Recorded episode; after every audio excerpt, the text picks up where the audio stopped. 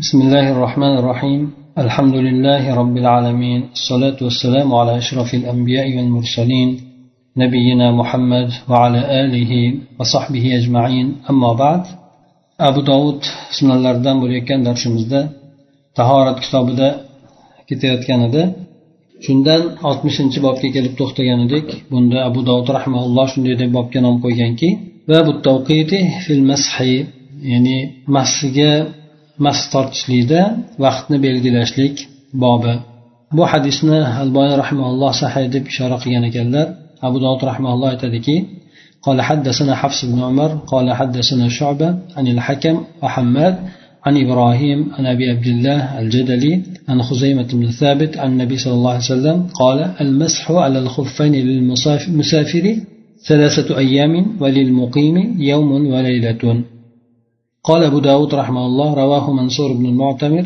عن إبراهيم التيمي بإسناده قال فيه ولو استزدناه لزادنا buni huzaymat ibn somit sobit roziyallohu anhudan rivoyat qilgan ekan payg'ambar sallallohu alayhi vasallam aytgan ekanlarki bu hadisda hop massiga masx tortishlik musofir uchun uch kun va muqim odam uchun esa bir kecha kunduz deb aytgan ekanlar bu hadis demak inson massi kiyadigan bo'lsa tahorat bilan unga mas tortishlik muddatini belgilab berar ekan. Bu yerda umumiy suratda musofir bo'lgan odamga uch kecha kunduzga hamda muqim bo'lgan odamga bir kecha kunduzda deb belgilandi. Bu e, ko'plab e, jumhur olimlarni nazriga binoan ham shunday ba'zi olimlar esa vaqtini belgilamagan ekan bo'laveradi deb hop lekin jumhur olimlar jumladan abu hanifa ham imom shofiy imom ahmad ham mana shu uch kecha kunduzni musofirga muqim odamga esa bir kecha kunduzni aytishgan ekan. Ho'p endi bu yerda qaysi paytdan boshlanadi degan e, xilof bor bu yerda. Ya'ni mahsiga mas tortishlik qaysi paytdan boshlab e'tibor qilinadi degan. Hop ba'zi olimlar aytadiki bu mas tortishlik massini kiyganidan boshlab turib tahorat ketgandan emas mas tortganidan emas balki massini kiygandan boshlab turib mas tortiladi deb aytishgan ekan. Ko'pchilik olimlar e, massida tahorat ketganidan boshlab tahorat e, vaqt hisoblanadi deb aytishgan ekan. Tahorat masni kiygandan keyin tahorat qilganidan emas balki tahorati o'sha masjida bor tahorati ketganidan boshlab turib. Masalan inson bomdod vaqtida tahorat e, qilib oyog'iga massi kiydida soat bir o'nlarda tahorat ketdi. Keyin peshinga massi tortdi endi. Bu odamni demak mana bu vaqt olimlarni vaqtiga aytgan vaqtlariga qaraydigan bo'lsak hop ba'zilari o'sha yuqorida aytib o'tganimizdek bomdodda kiygan bo'lsa bomdodda tahorat o'sha massi e, bir bir kunga yetadi muqim bo'ladigan bo'lsa deb aytishadi.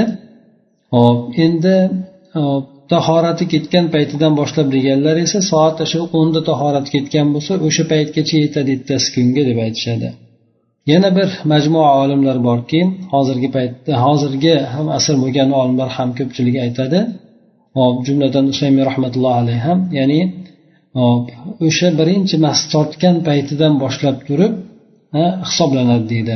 Ya'ni bu odam peshinda mas tortgan bo'lsa ertalab bomdodda kiygan onda tahorat ketgan endi peshin paytida mas tortgan bo'lsa ertasiga o'sha peshin paytigacha yetadi deb aytishadi. Yana bundan tashqari o'sha paytgacha tahorat qilishligi o'sha mas tortishligi mumkin emas. Endi ho'p o'sha paytda inson mas tortgan bo'lsa bu olimlarni nazriga binoan gapiga binoan hop masalan soat o'ngacha yetadi dedik mas tortishligi lekin bomdodda tahorat qilgani o'nda ketgani yo'q. O'sha tahorat bilan yuribdi. Bu yerda ham olimlarni o'rtasida xilof bor o'sha ungacha yetadi deganlar o'sha tahorat ketganigacha yetadi deganlar o'sha tahorat ketgan paytida massini yechib turib oyog'ini boshqatdan yuvishlik bu narsa tavsiya qilinadi yoki bo'lmasa tahoratni yaxshi nimada to'liq niyatda bo'ladigan bo'lsa tahoratini yangitdan olib olishligi deyishadi. Ba'zi olimlar hammasi bo'lgan olimlar ham aytishadiki bu o'sha tahoratni soat massini o'nda kiygan bo'lishiga qaramasdan ertasi kuni o'nda tahorat ketmagan bo'lsa o'sha massani tahoratini ketgan ekanligiga dalil yo'q balki tahorat qilib bo'lmaydi tahorat qilib mas tortolmaydi. Shu narsaga e, aytilgan lekin o'sha paytda tahorati bo'lgan bo'lsa insonni tahora massini tahorat qilishlik e, salohiyati ketganligi bilan tahoratsiz bo'lib qolmaydi odam. O'sha tahorati turadi to o'zi tahorati ketgunigacha. Lekin bu muddati o'tgandan keyin kelib qoladigan bo'lsa massi qilib tortib bo'lmaydi deb aytishadi. Bu demak massiga mas tortishlik e, jumlasidan edi hop undan keyingi hadisda alboniy rahmaulloh buni zaif degan ekan. Abu dovud ham buni pastda aytib o'tib ketgan e, ibn mayinni gaplarini keltirib bu hadisni yahya ibn ayyub degan sahobiydan rivoyat qilinadiki وكان قد صلى مع رسول الله صلى الله عليه وسلم للقبلتين أنه قال يا رسول الله أمسح ولا خفين؟ قال نعم. قال يوما. قال يوما. قال يومين. قال يومين. قال وثلاثة قال نعم. وما شئت. قال ابن معين. إسناده مظلم. بكش payg'ambar sallallohu alayhi vasallam bilan birgalikda ikkala qiblatanga namoz o'qigan ekan. Ya'ni ikkala qiblatanga namoz o'qigan deganligi payg'ambar sallallohu alayhi vasallam madinaga ko'chib kelganlaridan keyin hijrat qilib kelganlaridan keyin bir yildan oshiq muddat baytul maqdis tomoniga qarab namoz o'qiydilar keyin kaba tomoniga qibla o'zgaradi endi. Demak o'sha joyda ikkalasi bilan ikkala qiblaga ham ya'ni baytul maqdisga qaragan qiblaga ham keyin kabaga o'zgartirilganida ham ikkalasida ham payg'ambar sallallohu alayhi vasallam bilan birga namoz o'qigan ekan. Ya'ni madinaga avvalgi paytlarda bu kishi musulmon bo'lgan ekan. Shu kishi aytgan ekanlarki ey rasululloh men masjidga mas tortmoqchiman. Hm? Deganda tortaveraymi? deb so'raganlarida ha tortaver bir kunmi? desa bir kun ikki kunmi? deb so'raganda ikki kun. Uch kunmi? deb so'raganda ha xohlaganingcha deb aytgan ekanlar. Bu hadisni alboy rahmaulloh zaif degan ekan. Shuningdek ibn main ham aytgan ekanlarki bu ibn main e, o'sha e, tahrij ya'ni e, kishi hadislarni tahrij qilish bo'yicha kuchli olimlardan hadis roviylarini kuchli olimlardan hisoblanadi. Bu kishi aytgan ekanlarki isnaduhu mudlim ya'ni buni sanadi juda ham qorong'u ya'ni o'sha zaif bo'lganligidan bu hadisni shunday nima sanadini aytgan shunday deb aytgan ekan zaif deb aytgan ekan bu kishi ham. undan keyingi hadisimizda demak zaif bo'lgandan keyin bu uch kunlik belgilashlikdan o'tib ketmaydi. Yuqoridagi sahih hadis kelyapti shu uch kunga belgilashlikni aniqlab beradi. Undan keyingi hadisimiz bir yuz ellik sakkizinchi hadis ekan. Buni keltiradiki albarahimaulloh buni ham zaiflagan ekan. Qola abu davud ravohu ibn abi maryam al misri an yahya ibn ayyub an abi abdurahmon ibn razin an muhammad ibn yazid ibn abi ziyad an ubada ibn nasi an abi ubay ibn عمارة قال فيه حتى بلغ سبعا قال رسول الله صلى الله عليه وسلم نعم وما بدا لك ya'ni yuqoridagi hadisga o'xshagan bu ham zaif deb aytilgan ekan hattoki payg'ambar sallallohu alayhi vasallam haligi kunini aytib so'ragan paytida yettita yetti kungacha sanab o'tgan ekan payg'ambar alayhisalom keyin aytgan ekanlarki ha bo'laveradi o'zing xohlaganingcha degan ekan senga ko'ringanicha ya'ni xohlaganingcha degan mazmunda keltirayotgan ekan bu hadis ham e, zaif ekan Abu dovud o'zlari aytgan ekanki bu isnod borasida demak buni isnodida ixtilof qilingan olimlar tomonidan bu unaqa kuchli isnod emas deb aytgan ekanlar. Aytib o'tganimizdek yuqoridagi e, sahih sahiy bo'lgan hadisda musofir uchun uch kun muqim uchun esa bir kecha kunduzni belgilab berilgan ekan.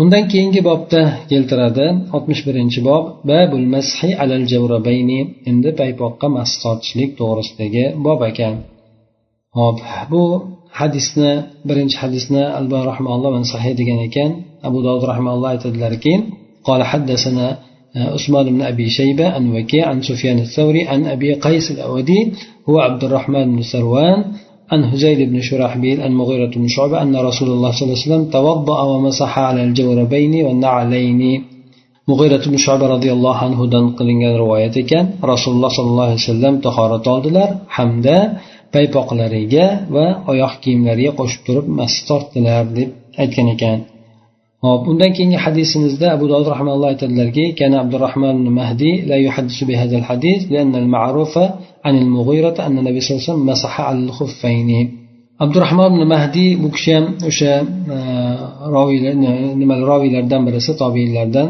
allohu alam bu kishi bu hadisni aytmasar ekan sababi mug'ayrat ibn shobadan yuqorida ham o'tgan edi ma'ruf bo'lgan hadis bu payg'ambar sallallohu alayhi vasallam massilariga massa tortganligi edi hop undan keyingi hadisga alboy rahmaulloh aytadilarki bishahidihi ya'ni o'zini shohidlari bilan qo'shimcha kelgan rivoyatlari bilan e, kuchlik sanaladi deb aytgan ekan ya'ni o'zi zaifroq bo'lsa ham lekin qo'shimcha boshqa rivoyatlarda kelgan yo'llari bilan quvvatlanadi deb aytgan ekan وروي هذا أيضا عن أبي موسى عشر رضي الله عنه النبي صلى الله عليه وسلم مسح على الجوربين وليس بالمتصل ولا بالقوي demak bunda ham abu muso ashar roziyallohu anhudan rivoyat qilingan ekan Payg'ambar sallallohu alayhi vasallam e, demak javrobaynga e, ya'ni paypoqlariga maxsus tortgan. Bu rivoyat muttasil emas ekan e, unaqa qoviy kuchli emas ekan lekin muttasil ya'ni o'rtasida munqatiyligi bor. Hamda kuchli emas ya'ni zaifliklari bor deb keltiradi. Hop yana yana sahih rivoyatlar orqali keladi deydi abu masud roziyallohu ibn masud emas bu abu masud. Hop al barro أنس حسن آه، عن أبي آه، حسن آه، ابن علي دان أنا أبي أمامة دان. بو أبي أمامة رضي الله عنه دان. شو صاحب لدن كلاركن؟ أبو داود أيتين كلاركي. ومسح على جوربين علي ابن, ابن أبي طالب وأبو مسعود وبراء بن عازب أنس بن مالك أبو أمامة وسهل بن سعد أمر بن حريز وروي ذلك عن عمر بن الخطاب وابن أبي أباس ya'ni paypoqqa mas tortishdiki mas tortganlarda mana ali roziyallohu anhu abu masud barro ibn ozib anas ibn molik abu umoma sahl ibn sad amr ibn hurays va bu umar ibn xattob roziyallohu anhudan ham rivoyat qilingan ekan. Shuningdek ibn abbosdan ham bu rivoyat qilingan ekan. Hop bu yerda demak e, paypoqqa mas tortishlik e, borasida e, olimlarda ixtilofi bor. Albatta paypoq qanday bo'lishlik kerak degan mazmunda hop javrob degani nima degani qaysini qanday sifatda bo'ladi? deb olimlar demak ixtiloflar aytishgan. Turli olimlar turli fikrlarni bildirishgan. Bulardan mana e, mutrazi degan e, ayniy e, aytgan ekanlarki hop bu kishi hanafiy olim imomlardan hisoblanadi. Al javrob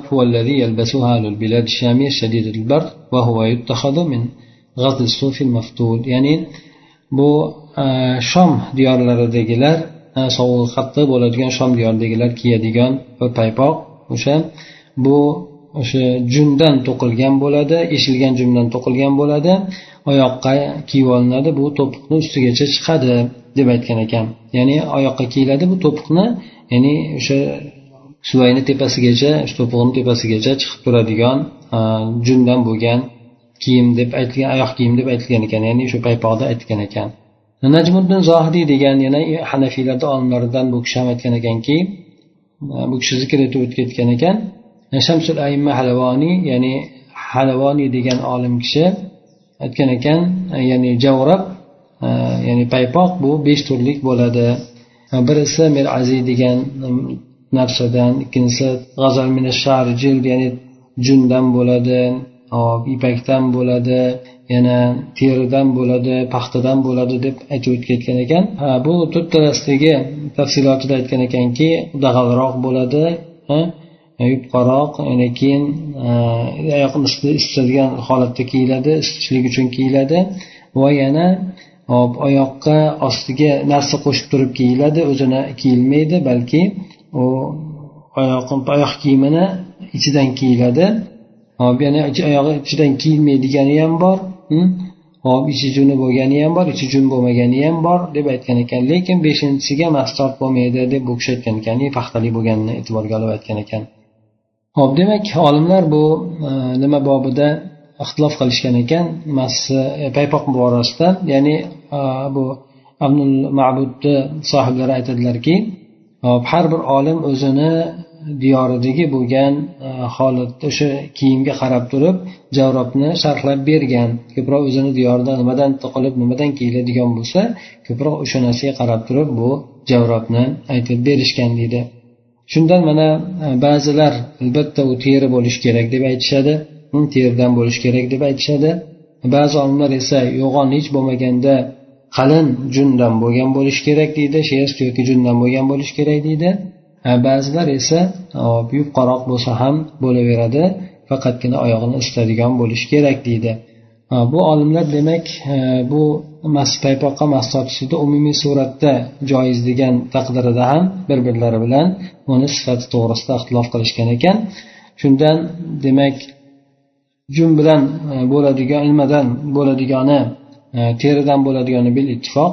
Jun bilan bo'ladigani ham e, ya'ni shunga o'xshagan shunga yaqinroq junga ya'ni bunga ham taxminan ko'pchilik olimlar shuni aytishgan endi to'g'ri oddiy materialdan bo'ladigan yoki paxtadan bo'ladigan yupqa paypalar borasida e, ba'zi mutaaxirlar aytgan ekan xolos ya'ni o'shanda ham e, imom ahmadni mazhablariga binoan ya'ni oyoqni o'rab turgan narsaga mas tortishlik ya'ni istadigan narsaga mas tortishlik bo'laveradi degan umumiy gaplari bilan.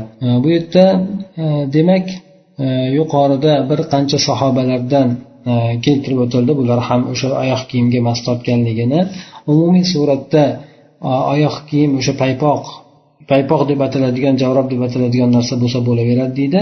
Lekin o'sha javrobni bo'lishligi teridan yoki jundan to'qilgan. Endi yubka paxta nimalar keladigan bo'lsa buyog'i ko'ngil xotirjam bo'lishligiga inson qarashlik kerak. Agar ba'zi olimlar lekin bu narsaga ruxsat berishmaydi emas beradi ana alboniy rahmaulloh bo'lsin usaymin boshqa boshqalar berishadi lekin e, bu yerda baribir yana qoladiki ya'ni bu masalada olimlarni ixtilofi bor. Shuning uchun ixtilof kuchlik bo'lgan o'rinda inson ko'ngil xotirjamlik bo'lishligi uchun agar jundan bo'lgan yoki teridan bo'ladigan paypoq bo'lsa bunga ittifoqlari bo'lganligidan mast hisobsa bo'laveradi. Endi to'g'ri oddiy paypoq bo'ladigan bo'lsa bunga ko'ngil xotirjam bo'lishligi uchun oyog'ini yuvishligi yaxshiroq bo'ladi. O'tgan safarda ham aytib o'tganimiz demak bu paypoqqa mas tortishlik bu ruxsat berilgan narsa massiga mas tortishlik esa e, undan yuqoriroq bo'lgan narsa chunki mas kiygan odam massini yechib turib yuvmaydi paypoqni esa yechib turib yuvishligini yuvsa bo'laveradi. Chunki massini yechib yuvishlik mashaqqat bo'lganligidan payg'ambar alayhisalom turgan holatlarda yuvgan. Paypoq esa masalan yupqa paypoqlarda hech qanaqangi bir mashaqqat unchalik bo'lmaydi. Shuning uchun uni yechib yuvishligida haraj ham yo'qdir. Ho'p bu masala o'sha paypoqqa mas tortishlik borasida edi. Unda undan keyingi bobda keltirib o'tadiki oltmish ikkinchi bob ekan. Bunda albani rahmaulloh buni sahiy deb ishora qilgan ekanlar. أبو داود رحمه الله يتدلركي قال حدثنا مسدد وعباد بن موسى قال حدثنا أخبرنا هشيم أن يعلى بن عطاء الثقفي عن أبيه قال قال عباد قال أخبرني أوس بن أبي أوس الثقفي أن رسول الله صلى الله عليه وسلم توضأ ومسح على نعليه وقدميه ya'ni payg'ambar sallallohu alayhi vasallam oyoq kiyimlariga va qadamlariga oyoqlariga mas tortib deb keladi abbod ham yana aytadiki rasululloh sollallohu alayhi vasallam ata ala kizamati qawmin ya'ni al-mida'ata ولم يذكر مسدد الميضاءة والكذامة ثم اتفقا فتوضأ ومسح على نعليه وقدميه ya'ni payg'ambar sallallohu alayhi vasallam qavmni tahorat oladigan joyiga keldi kizoma degani bu go'yoki bir ariqcha degani bizdagi Tahorat oladigan bir ariqchaga o'xshagan nima? Bu quduqdagi suvdan tashqariga suv oqib chiqadida hamda oqadi keyin. Oqqani demak ariqcha bo'lib oqadi. Ana o'shanga kelib tahorat olgan ekan. Lekin bu yerda musaddat o'sha tahorat oladigan joyni ariqchani zikr qilmagan ekan. Lekin bular ittifoq kelib rivoyat qilgani payg'ambar alayhissalom oyoqlariga hamda oyoq kiyimlariga mas topdi degan nimasi. Buni boshqa rivoyatlarda kelishligini aytadiki bu qadamay hiloniga huffayni ya'ni Э, payg'ambar alayhissalom oyog'ini o'ziga mas tortmagan balki e, massiga mas tortgan oyoqlariga e, hamda massilariga qo'shib turib mas tortgan deb aytiladi. Shuning uchun oyoqni o'ziga emas balki oyoqga kiyilgan massiga mas tortiladi. E, shundan payg'ambar alayhissalom yo oyog'ini yuvganligi yoki ustida narsa bo'ladigan bo'lsa unga mas tortganligi kelgan. Nal deb turib bu yerda to'piqdan pastda bo'ladigan oyoq kiyimda aytiladi. Bu kalish bo'lsin kavush bo'lsin yoki tufli bo'lsin shunga o'xshagan narsalar. Albatta bu to'piqni yopmaganligi uchun buni o'ziga mas tortilmaydi balki uni ichidagi bo'lgan narsaga qo'shib turganligidan shunga qo'shib turib mas tortishligi mumkin. Undan keyingi hadisda oltmish uchinchisi endi qanday qilib mas tortiladi? bu hadisni alba rahmaulloh hasan sahiy deb keltirgan ekanlar abu dovud rahmaulloh aytadilarki haddasana muhammad ibn sobbah al bazzaz قال حدثنا عبد الرحمن بن أبي زناد قال ذكره أبي عن أروة بن الزبير عن مغيرة بن شعبة أن رسول الله صلى الله عليه وسلم كان يمسح على خفين وقال غير محمد مسح على ظهر الخفين hop bunda bir qancha hadislar kelgan payg'ambar alayhissalom e, nimani ustiga masjidlarni ustiga mas tortganligini aytadi mug'orat shobadan ha yana muhammaddan boshqa roviylar esa massini tepa qismiga mas tortganligini rivoyat qilishgan ekan undan keyingi oltmish ikkinchi bir yuz oltmish ikkinchi hadisda keladi bu hadisni ali roziyallohu anhudan rivoyat qilingan ekan u kishi aytgan ekanlarki أسفل الخف أولى بالمسح من أعلاه وقد رأيت رسول الله صلى الله عليه وسلم يمسح على ظاهر خفيه agar din fikrni o'zi bilan bo'lganda edi ya'ni vahiyga suyanmasdan odam o'zini diniga suyanib qo'yaverganda edi bu hop massiga massani pastki qismi tepa qismidan ko'ra mas tortishlikka avloroq bo'lar edi men payg'ambar sallallohu alayhi vasallamni masjidlarini tepa qismiga mas tortayotgan holatida ko'rganman ya'ni massini betiga mas tortayotgan holatda ko'rganman deb aytgan ekan. Nimaga endi massani pastki qismi mas tortishlikka avloroq bo'ladi deganligi chunki oyoqda shu bilan yurilgan endi ko'pincha masjidga nima kiymasdan ham yurilgan. Kavush yoki kalash shunga o'xshagan narsalar kiymasdan ham yurilgan. Ana o'shandan demak massini pastki qismi chang iflos boshqa narsa bo'lib qolishi mumkin. Agar shu fikr bilan bo'lgan deydi din misol keltirgan ekan bu kishi aql bilan olib qaraydigan bo'lsak massani pastini tozalashlik avvalroq bo'ladi uni tepasiga mast sotishlikdan ko'ra deb aytgan ekan. Men payg'ambar alayhissalomni demak mastini betiga tepa tomoniga mast sotayotgan holatda ko'rganman. Yana payg'ambar alayhissalom mastlarni tepalariga mast sotardilar undan keyingi hadisda keladiki bu hadisni ham sahiy deb keltirgan ekan. Haddasini muhammad ibn rofi qola haddasini yahya ibn adam qola haddasini حدثنا أخبرنا يزيد بن عبد العزيز عن الأعمش بإسناده بهذا الحديث قال ما كنت أرى باطن القدمين إلا حق بالغسل حتى رأيت رسول الله صلى الله عليه وسلم يمسح على ظهر خفيه xuddi mana shu ali roziyallohu anhudan boshqa bir rivoyat yo'li bilan kelgan ekan aytgan ekanki bunda men qadamni ichki tomonini u g'usul qilishlikka haqliroq deb ko'rar edim hattoki rasululloh sollallohu alayhi vasallamni o'sha nimasini massalarini tepasiga mas tortayotganini ko'rgunimgacha deb aytgan. Bu yerda ham botinil qadamayni degandan bu oyoqni ichki tomoni deganda nimani e'tiborga olib aytganlar? Massini ichki tomonini pastki tomonini e'tiborga olib aytganlar. Massini botini pastki tomoni zohiri tepa tomoni bo'ladi. Oyoqni tagida turadigani botini bo'ladi endi. Ana o'sha narsani men g'usul qilishlikka ya'ni yuvishlikka haqliroq deb biladim chunki u yerda yurgandan keyin aytib o'tganimizdek har xil narsalarni bosib o'tadi. Shuni shuni yuvishlikka loyiq bo'lar edi. O'zi aslida shunday deb ko'rardim. Hatto payg'ambar alayhissalomni maslarini tepalariga mas tortganini ko'rib kunimgacha dedi. Demak e, din e, insonni aqli e, narsani ba'zida e, faqat o'zi bo'ladigan bo'lsa din uni o'zini bir xususiyati bo'lganligi uchun unga muxolif bo'lgan narsani aytgan ekan. Bir yuz oltmish to'rtinchi hadisda keladi. hop sahih حدثنا محمد بن علاء قال حدثنا حفص بن غياث عن الأعمش بهذا الحديث قال لو كان الدين بالرأي لكان باطن القدمين أحق بالمسح من ظاهرهما وقد مسح النبي صلى الله عليه وسلم على ظهر خفيه aynan shu rivoyat bilan kelgan boshqa bir yo'l bilan agar din fikr bilan fikrni o'zi bilan bo'lganda edi qadamni ichki tomoni ya'ni o'sha massani ichki tomoni tashqi tomonidan ko'ra masx qilishlikka haqliroq bo'lar edi payg'ambar alayhissalomni o'sha maslarni tepa tomoniga mas tortayotganligini ko'rganman deb shu ko'rgan shuni keltirgan ekan undan keyingi hadisda ham keltiradi buni vaki rivoyat qilgan ekan amashdan shu isnodi bilan كنت أرى أن باطن القدمين أحق بالمسح من ظاهرهما حتى رأيت رسول الله صلى الله عليه وسلم يمسح على ظاهرهما قال وكي يعني الخفين يعني بو حديث هم ayni yuqoridagi ali roziyallohu anhuni gaplarini keltirib o'tgan ekan o'sha massani ichki tomoni e, tepa tomonidan ko'ra massa tortishlikka haqliroq bo'lar deb o'ylar edim hatto payg'ambar sallallohu alayhi vasallamni o'sha massani tepa tomoniga massa tortganini ko'rgunimgacha deb. Lekin bu oxirgi rivoyatni mavsul holatda topmadim deb e, abu dovud rahmaulloh keltirib o'tadi.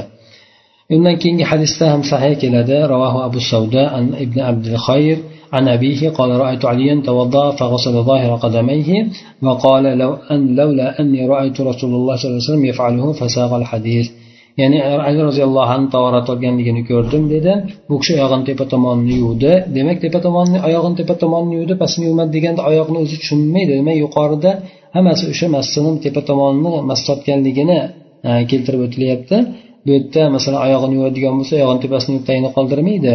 Bundan murod o'sha massiga mas tortishlik ketyapti. Va shu massalarga tepasiga mas tortganligini ko'rdim. Aytdilarki men payg'ambar sallallohu alayhi vasallamni shunday qilib qilayotganini ko'rmaganimda degan undan keyin hadisni siyoqini keltirgan ekan boshqa davom ettirib aytgan ekan. Undan keyingi hadisda e, bir yuz oltmish beshinchi hadis buni zaif deb bergan ekan. E, bu hadisni mug'irat ibn shobadan rivoyat qilingan ekan aytadilarki nabiy sollallohu alayhi vasallam fi tabuk famasaha ala xuffayni va asfalahuma. Men payg'ambar sallallohu alayhi vasallamni tabuk jangida tahorat oldirib qo'ydim. U kishi tahoratga suv quyib berdim. U kishi maslarini mas tortdi maslarini tagiga ham mas tortdi degan e, rivoyat endi. Bu hadis zaif hadis ekan. Mana abu dovud ham aytadilarki demak roviylardan savr ibn yazid bu rajo ibn hayvadan e, eshitmagan ekan. Ya'ni eshitmasa orada odam tushib qolgan shuning uchun an deb keltiryapti. Mana shunga binoan bu hadisni zaif deb aytilgan ekan. Bunda e, zaif bo'lgan tomoni shu massini pastki tomoniga ham qo'shib turib mas tortishlik. Demak pastki massini asosan demak tepa tomoniga massi tortilar ekan ba'zi olimlar demak bu rivoyatlarni e'tiborga olgan holatda massini tepasiga mas tortishlik bu vojib pastki tarafga tortishlik esa sunnat deb keltirib o'tganlar ham bor ekan. Hop undan keyingi hadisimiz undan keyingi bobimizda e, babun fil intibohi ya'ni suv sepib qo'yishlik to'g'risidagi bob bu vasvasani qaytarishlik uchun e, buni sahiy deb keltirgan ekan. Albon rahmaulloh ham abu dovud rahmaulloh aytadilarki haddasini muhammad ibn kasir qola أنبأنا سفيان الثوري عن منصور عن مجاهد عن سفيان الحكم الثقفي أو الحكم ابن سفيان الثقفي قال كان رسول الله صلى الله عليه وسلم إذا بال يتوضأ وينتضح payg'ambar sollallohu alayhi vasallam agar bovul qiladigan bo'lsalar tahoratni ketkazadigan bo'lsalar hojatga boradigan bo'lsalar keyin tahorat olardilarda o'sha keyin suv sepib qo'yardilar tahorat olgandan keyin o'sha e, avratlarni atrofiga oldiga suv sepib qo'yardi bu narsa hop ana pastiga rivoyatlarda ham keladi. Hop payg'ambar bu vasvasani ketkazishlik uchun odamga keladigan vasvasani ketkazishlik uchun odam ya'ni ba'zan bo'ladiki shayton tomonidan inson tahorat olib keladigan bo'lsa xuddi go'yoki siydik chiqdi degandek bir insonga vasvasa olib keladi tahorating ketib qoldi deb turib tahorat olib kelgandan keyin. Shu narsani ketkazishlik uchun payg'ambar alayhissalom nafaqat endi o'zlari balki ummatga bu narsani ta'lim berganlar vasvasa bo'lgan o'rinlarida ana o'shanda demak boshqalarga ham ko'rsatib qo'yishlik uchun bu narsani qilardilar. Ya'ni o'sha tahorat o'tgandan keyin o'sha suv sepilishligi hamda o'sha shayton vasvasasi ketadi. Suv xuddi go'yoki siydik chiqqandek insonni hayoliga keladida hamda o'sha suvga tegadigan bo'lsa ha men o'zim tutgan suv bu deb turib o'sha vasvasani ketishligiga sabab bo'ladi bu albatta vasvasa e, qiladigan odamlarda yoki vasvasa bo'ladigan paytida shunday qilinadi undan keyingi hadisda bir yuz oltmish yettinchi hadisda keladiki haddasana ishoq ibn ismoil حدثنا سفيان عن ابن أبي نجيح عن مجاهد عن رجل من ثقيف عن أبيه قال رأيت رسول الله صلى الله عليه وسلم بال ثم وضح فرجه payg'ambar alayhissalom nima qildilarda bavul qildilar keyin avratlariga suv sepib qo'ydilar bu yerda suv bilan mustahab qilishlik iroda qilinmayapti bu yerda pastdagi rivoyatlarda ham keladi payg'ambar alayhisalom tahorat olib bo'lgandan keyin uni sepib qo'yyapti bu yerda ham ayni hazf borki bu yerda bavul qildilar keyin tahorat olib so'ng o'sha avrat nimasiga suv sepib qo'yganligini.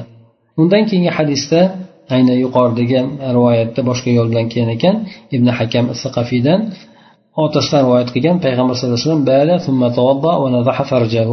ya'ni payg'ambar alayhisalom bavul qildilar so'ng tahorat oldilar hamda e, farjlariga nimani suvni sepib qo'ydilar. Ya'ni qo'li bilan suv silkitib o'sha yerda go'yoki e, vasvasa bo'ladigan bo'lsa o'sha suv tomchisiga tegib turib o'sha vasvasa ketishligiga e, e'tiborga olingan ekan. undan keyingi e, bobimizda keltiradiki oltmish beshinchi bobda babu ma yaqulu rajulu ida tavoddaa endi tahorat olayotgan paytda kishi nima deb aytadi bu hadisni albon rahmalloh sahih deb keltirgan ekan abu dovud rahmalloh aytadilarki حدثنا أحمد بن سعيد الهمداني قال حدثنا ابن وهب قال سمعت معاوية ابن أبي صالح يحدث عن أبي عثمان عن جبير بن نفير عن عقبة بن عامر رضي الله عنه قال كنا مع رسول الله صلى الله عليه وسلم قدام أنفسنا نتناوب الرعاية رعاية إبلنا فكانت علي رعاية الإبل فروحتها بالعشي فأدركت رسول الله صلى الله عليه وسلم يخطب الناس فسمعته يقول ما منكم من أحد يتوضأ؟ فيحسن الوضوء ثم يقوم فيركع ركعتين يقبل عليهما بقلبه ووجهه إلا فقد أوجب. فقلت بخ بخ ما أجد هذه؟ قال رجل من بين يدي التي قبلها يا عقبة ما أجود منها؟ فنظرت فإذا هو عمر بن الخطاب قال قلت ما هي يا أبا حفص؟ قال إنه قال آنفا قبل أن تجيء ما منكم من أحد يتوضأ فيحسن الوضوء ثم يقول حين يفرغ من وضوئه أشهد أن لا إله إلا الله له لا شريك له وأشهد أن محمدا عبده ورسوله إلا فتحت له أبواب الجنة الثمانية يدخل من أيهما شاء. Buni muslim ham rivoyat qilgan ekan. Bu ukbat ibn omir roziyallohu anhudan qilingan rivoyat. Aytadilarki biz payg'ambar sallallohu alayhi vasallam bilan birga edik. O'zimizni xizmatimizni o'zimiz qilar edik. O'zimizga o'zimiz xizmatchi edik. Ya'ni bir safarga chiqqan paytida xizmatchilarimiz yo'q edi o'zimizga o'zimiz xizmat qilardik. Biz tuyalarimizni boqishlikda navbatlashar edik. Ham tuyalarni boqishlik menga kelgani men navbatim bo'lgan edi men ularni kechga yaqinroq ularni bir rohatlantirdim. Ya'ni o'sha yotag'iga haydab bordim kechga yaqinroq. Shunda payg'ambar sallallohu alayhi vasallamni odamlarga xutba qilayotgan holatida yetdim payg'ambar sallallohu alayhi vasallamga. U kishini shunday deb aytayotganligini eshitib qoldim. Sizlardan birontadan bor bo'lsaki tahorat olsa tahoratini chiroyli qilib mukammal qilib olsa so'ng turib ikki rakat namoz o'qiydigan bo'lsa bu ikki rakatda ham qalbi bilan ham yuzi bilan ham allohga iqbol qilgan holatda o'qiydigan bo'lsa ya'ni xayolini jamlab yuzini ham qiblaga qaratib xayolini jamlab xayolini buzmasdan boshqa narsalarga vasvasa bo'lmasdan o'qiydigan bo'lsa bu odamga faqat avjabi vojib bo'ladi alloh taolo tomonidan dedi. Ya'ni jannat vojib bo'ladi deb aytdilar. Faqultu men aytdimki shunda oh oh dedim baxin baxin degan oh oh qandayam bu ajoyib narsa? dedi. Shunda oramizdan bir odam aytdiki oldingi safda bo'lgan o'sha oldimizdan bir odam aytdiki ey uquba undan ham e, go'zalrog'i bo'lgan edi go'zalrog'i bo'lgan edi deb aytdi. Men qarasam umar ibn hattob roziyallohu anhu ekan. Ey ey abu hafiz nimasi nimasi bu yana ajoyibrog'i bo'lgan edi? deganda u kishi aytdilarki payg'ambar sallallohu alayhi vasallam siz kelishligingizdan oldin hozirgina aytib turgan edi ya'ni sizlardan qaysi bir odam tahorat qiladigan bo'lsa tahoratini chiroyli mukammal qiladigan bo'lsa so'ng tahoratidan bo'shagan paytida ashhadu an la ilaha illalloh vahdahu la sharika lah alloh taolodan boshqa iloh yo'q ekanligiga guvohlik beraman. U zot sheriksizdir va ashhadu anna muhammadan abduhu va rasuli muhammad sallallohu alayhi vasallam esa allohni bandasi va rasuli deb guvohlik beraman. Deb aytadigan bo'lsa bu odam uchun jannatni sakkizta eshigi ochiladi xohlaganidan kiraveradi. Mana shunday deb payg'ambar sallallohu alayhi vasallam aytdilar deb umar roziyallohu anhu xabar bergan ekanlar. Bu demak inson tahorat olib bo'lgandan keyin aytadigan zikr hisoblanadi.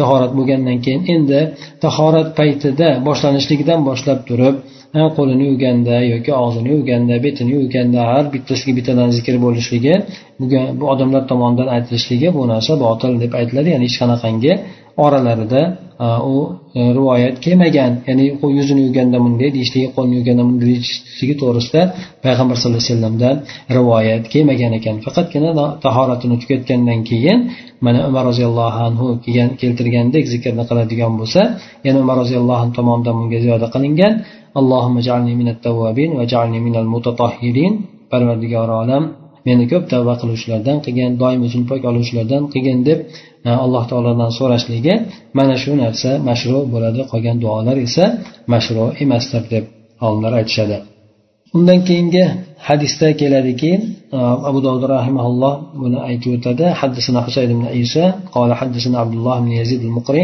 عن حيوة وهو ابن شريح عن أبي عقيل عن ابن عمه عن عقبة بن عامر الجهني النبي صلى الله عليه وسلم نحوه ولم يذكر أمر رعايته قال عند قوله فأحسن الوضوء ثم رفع نظره إلى السماء فقال ya'ni bu rivoyatni zaif rivoyat ekan pastligisi zaif sanat bilan keltirilgan ekan bunda uqbat omirdan rivoyat qilingan ekan lekin bunda o'sha tuyani boqqanligini gapirib o'tmagan ekan bu kishi yana tahoratni chiroyli qilib oladi Degan gapini oldidan sen osmonga ko'zlarini ko'tardilarda deb shu qo'shimcha bir nimani gapni keltirib o'tgan ekan.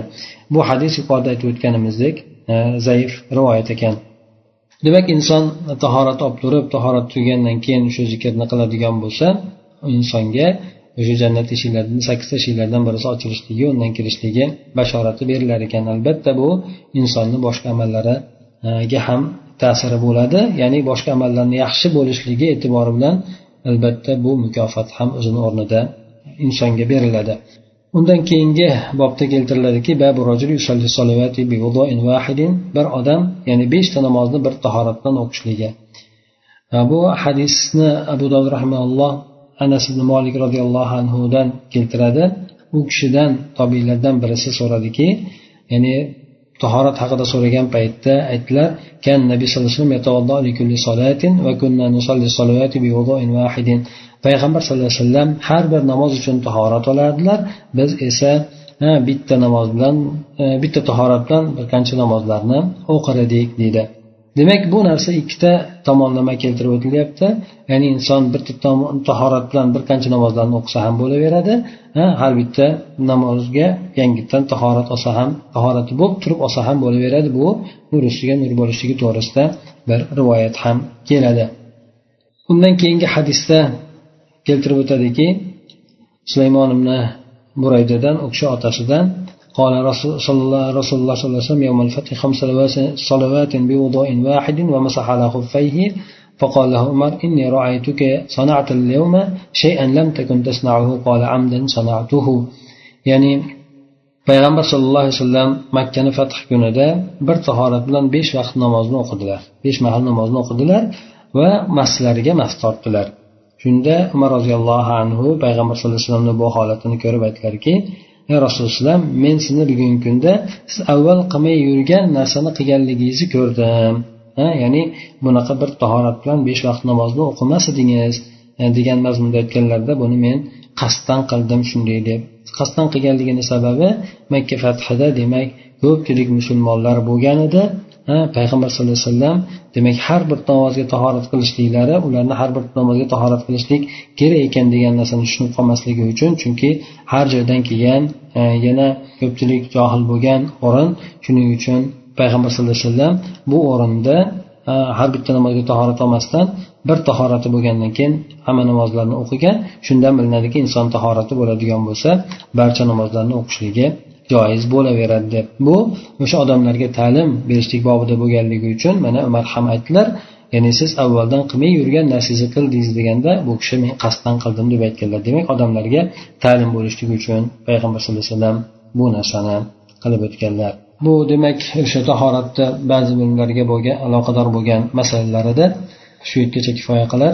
Inshaalloh demak masjidga mas tortishlik muddati paypoqqa mas tortishlik undan keyin mana bu zikrlar qanday qilib mast tortiladi ana o'sha narsalarni ham e, aytib o'tiladi. Ya'ni massiga mast tortishlik tepa tomoniga tortganda ba'zilar aytadiki massi tortishlikka yaraydigan darajadagi qo'lni tegishlik kifoya qiladi deb aytadi. Bizni hanafiy mazhabida esa hammalarga ma'lum uchta barmog'ini massini uchidan tortib turib e, tepangga o'sha boldirga tomon tortadi. Mana shu narsa ko'proq biz uchun e, shu narsa yaxshiroq bo'ladi endi.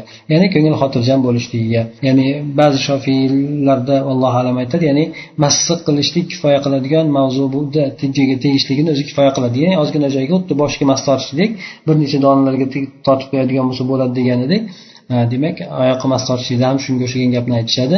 Lekin e, massini uchidan tortib tepasigacha tortishligi uchta chiziq bilan o'ng qo'l bilan o'ng massiga chap qo'l bilan chap massiga tortishligi shu narsa munosibroq bo'ladi vallohu alam سبحانك اللهم وبحمدك نشهد أن لا إله إلا أنت نستغفرك ونتوب إليك.